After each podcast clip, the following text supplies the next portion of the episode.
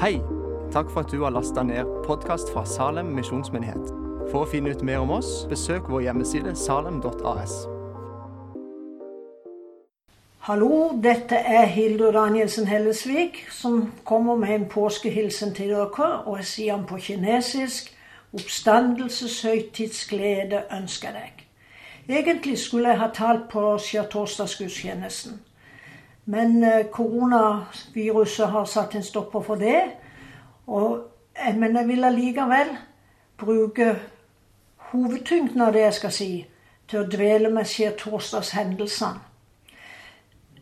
Disiplene gikk til Jesus og spurte hvor vil du at vi skal gjøre i stand påskemåltid til deg. Og Jesus svarte gå inn til byen til den mannen som dere vet, og si til han at mesteren sier min time er nær, hos deg vil jeg holde påskemåltid med disiplene mine. De gjorde det, og om kvelden så kom også Jesus, og de satte seg ned og de spiste. Og så sier Jesus til, til de, mens de sitter med bordet og spiser, en av dere skal forråde meg. Og de ble dypt bedrøvet. Og den ene etter den andre spurte, det er vel ikke meg, Herre? Og det gjorde faktisk også Judas. Han sier, det er vel ikke meg, rabbi? Og Jesus svarer, du har sagt det. Mens de satt og, og spiste, så tok Jesus et brød. Han takka, brøt det, ga disiplene og sa, ta imot og et. Dette er min, mitt legeme. Og han tok et beger, takka, ga de og sa, drikk alle det, for dette er mitt blod, paktens blod, som blir ut, utøst for mange, så syndene blir tilgitt. Og da måtte jeg stoppe opp og tenke, hvem ga Jesus nadværen til? Judas, som Jesus visste hadde avtalt å forråde ham. Peter fikk nadværen, som Jesus visste at han kom til å benekte ham. Han til og med begynte å banne og sverge og sa 'jeg kjenner ikke det mennesket'. Alle disiplene fikk nadværen. Alle svikta han. Der stender i vers 56 hos Matteus 26 da forlot alle disiplene han og flyktet. Alle hadde fått nadværen av Jesus. Han hadde gitt dem sitt legeme og blod til soning for deres synder. Og han hadde lest det opp for dem. Og jeg sier for en kjærlighet. Og den samme kjærligheten har Jesus gitt til oss. Ingen er fortjent til å få del i Jesu legeme og blod. Men til oss og til alle gir han sitt legeme og blod til soning for våre synder. Ja, ikke bare for våre, men for hele verden. Og i 1. Johannes brev så står det ja, dette er kjærligheten. Ikke at vi har elska Gud, men at Han har elska oss og sendt sin sønn til soning for våre synder. Hva hadde skjedd etter at Jesus delte sitt legeme og blod med eh, disiplene? Der står i Johannes 13 Da reiste han seg opp ifra måltidet, tok av seg kappa og tok på et linkle rundt livet. Og så begynte han å helle vann i fatet, og så begynte han å vaske disiplenes fødde og tørke dem med linklær. Dette var slavearbeid. Ikke så rart at Peter reagerte når Jesus kom til han. For det var ikke en jødisk tjener som kunne vaske føttene til de som kom inn etter å ha gått i støvet i bare sandaler. Det var kun et slavearbeid for slave. Men Jesus gjorde det. Så det var ikke så rart at Peter sier, 'Herre, vasker du mine føtter?' Og Jesus svarte, 'Det jeg gjør, forstår du ikke nå, men du skal forstå det', sier han. 'Aldri i evighet skal du vaske føttene mine', sier Peter. Og så sier Jesus, 'Hvis jeg ikke vasker deg, har du ikke del i meg'. Og da blir Peter ivrig. Og så sier han, 'Ikke bare føttene, men hendene og hodet òg'. Så svarer Jesus han Peter, 'Den som har bada, er rein'. men dere er ikke alle reine. Da han hadde vasket han og tatt på seg kappa, så satte han seg igjen med bordet, og så sa han til dem, Forstår dere hva jeg har gjort for dere? Dere kaller meg mester og herre, og det gjør dere meg rett til. For det er jeg. Når jeg som er Herren og Mesteren har vasket deres føtter, da skylder også dere å vaske hverandres føtter. Jeg har gitt dere et forbilde, et eksempel. Som jeg har gjort mot dere, skal også dere gjøre mot hverandre. Og så tenker jeg Hvordan er det med meg? Hvordan er det med deg? Har du det samme sinnelag som Jesus Kristus hadde? Det er det vi blir oppfordra til å ha. Leser du Filippenserbrevet 2,5 og følgende, så står det La samme sinnelag være i dere som også var i Kristus Jesus. Han var i Guds skikkelse, men så det ikke for et rov å være Gud lik. Han ga avkall på sitt eget. Han tok på seg en tjenerskikkelse og ble menneskelik. Da han sto fram som menneske, fornedret han seg sjøl og ble lydig til døden, ja, døden på korset. Derfor har Gud også høyt opphøyet han og gitt han navn over alle navn. I Jesu navn skal hvert kne bøye seg. I himmelen, på jorda og under jorda, og hver tunge skal bekjenne at Jesus Kristus er Herre til Gud Faders ære. Vi leser videre i kapittel 26 hos Matteus om Jesus og kampen i, disse, i Getsemane. Der står at måltidet var over, så reiste de seg og gikk. Og de gikk inn i en hage de pleide å gå, Getsemanehagen. Det er en veldig kjent salme som er skrevet om Getsemanehagen. En som heter Edward Pison Hammond, han besøkte Getsemanehagen i 1866. Og etter det så skrev han et vers. Og det første verset har jeg lyst til å lese på nynorsk, for det er det som ligger nærmest den, den engelske teksten. Den stunda i Getsemane jeg aldri gløyme kan, da du låg skjelvende på kne, min Gud og frelsermann. Og i vers 3 så står det Forlatt du òg av dine ble, ja, av din Fader med, og aldri jeg utgrunne kan hva da ditt hjerte le. Nei, det er ikke mulig å utgrunne hva det koster Jesus å frelse meg en gang, og frelse deg en gang. Jesus han kom sammen med disiplene til Getsemane. Getsemane betyr oljepressens sted, der olivenoljen knuses og oljen presses ut. Oljen som er til legedom, til glede, til velsignelse. Oljen som de eh, velsigna kongene med. På samme sted så knuses Den hellige så utkjemper Jesus en fryktelig kamp. Han kunne fremdeles unngå lidelsen med å bli gjort til synd. Hellig, uten synd.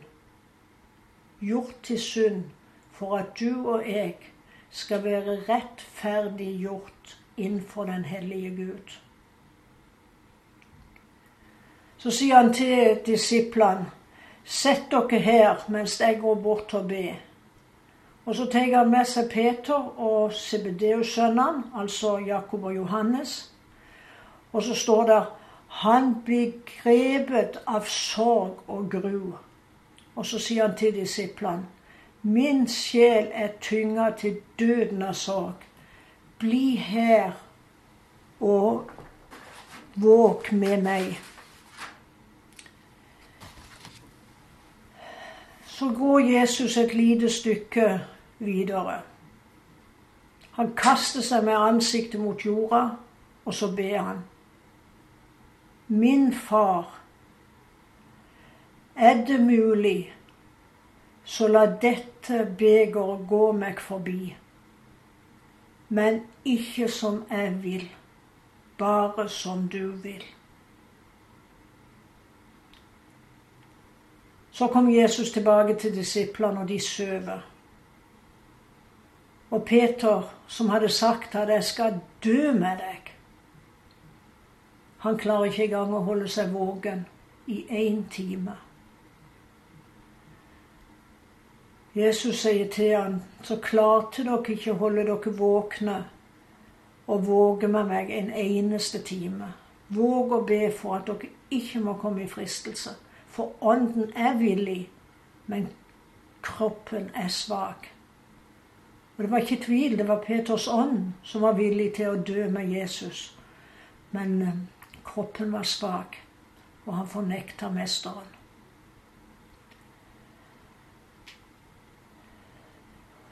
Så går han en gang til inn for å be. Og han ba Min far, om ikke dette begeret kan gå forbi meg, og jeg må drikke det, så la din vilje skje. Da han kom tilbake, fant han, de, fant han de igjen sovende, for øynene var tunge av søvn. Og nå vekker han de ikke. Han lar de sove, og så går han bort, og så ber han for tredje gang den samme bønnen. Min far, om ikke dette begeret kan gå forbi meg, og jeg må drikke det, så la viljen din skje. Og jeg sier igjen for en kjærlighet til oss. Og så kommer han tilbake til disiplene og så sier han til, til, til de, dere sover og hviler dere fremdeles. Nå er stunda kommet da menneskesønnen skal overgis i syndehender. Stå opp, la oss gå herifra, for han som skal forråde meg, er nær. Dette her er på, natta, og vi er nå inne i langfredagens kamp. Og jeg har en oppfordring til dere som hører dette. Les i morgen kapittel 18 og 19 i Johannes evangeliet. Ta tid til å lese det, sånn at du får med deg hvert ord. Det er så mange ting du kan plutselig oppdage når du leser det med ettertanke. Og jeg vil si, les gjerne de andre evangelistene også. Sjølve lidelseshistoria er 382 vers, og jeg prøvde å se hvor lang tid tar det. Hvis du leser det seint, så tar det ca. 45 minutter. Skulle ikke vi kunne klare å bli litt bedre kjent med hva Jesus har gjort for oss, med å sette oss ned på langfredag og lese lidelseshistorier. Og med at du leser fra de forskjellige evangelistene, så får du et større innblikk i det som skjedde for de forskjellige har lagt merke til forskjellige ting. Sånt er det.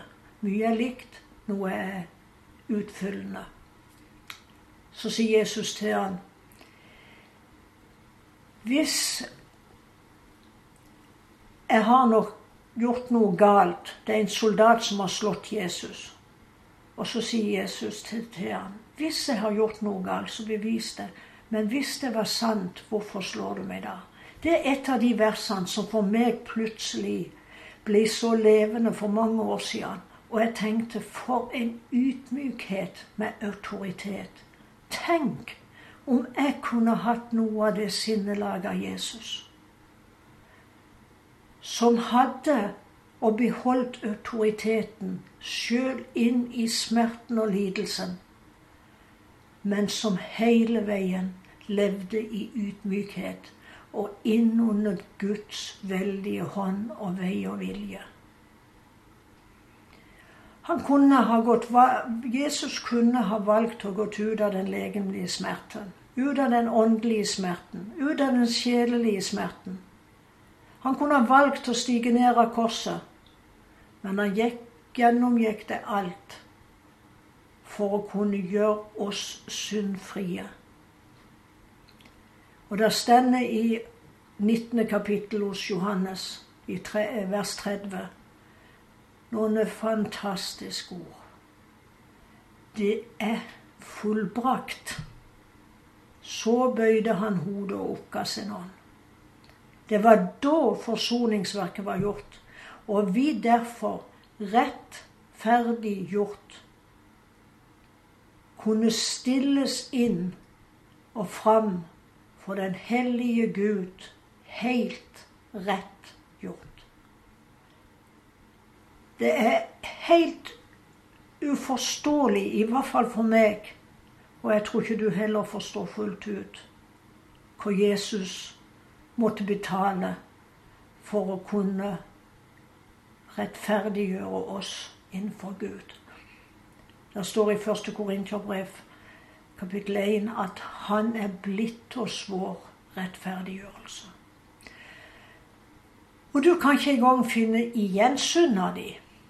Den er i glemselens hav, eller enda bedre, sendt til Gesaras land, der som syndebukken ble sendt på den store forsoningsdagen. Og i tredje Mosebok, kapittel 16, så så står det om den store soningsdagen. Det er overskriften på det kapitlet.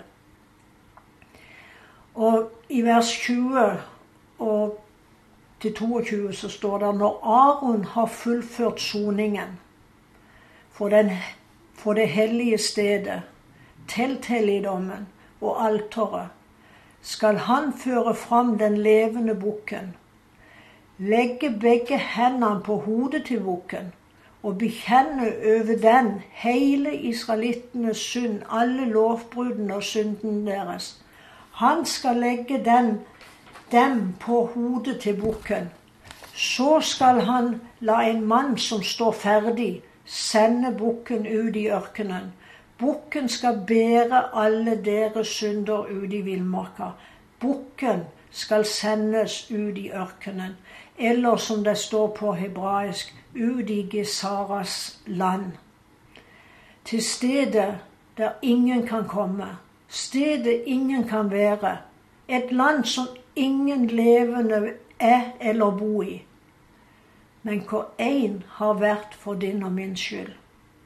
Men du kan ikke finne igjen skylda som er sona. Men det koster. Jesaja skriver i 53. kapittel ved trengsel og dom ble han revet bort fra de levendes land. Hvem i hans slektsledd var det som aktet på at han ble rammet for mitt folks synders skyld? Og i 44. kapittel så står det hos Jesajas Jeg stryker bort dine lovbrudd som en tåke, og dine synder som en sky. For jeg løser deg ut. Sonofferet, Jesus, har båret dine og mine synder til et sted det ikke er mulig å komme. Og jeg sier amen, halleluja. Og jeg takker deg, Jesus, for at det var nok, det som du gjorde. Og for at vi, på grunn av deg, er rene og rettferdige innenfor den hellige Gud. Tusen takk, Jesus. Amen.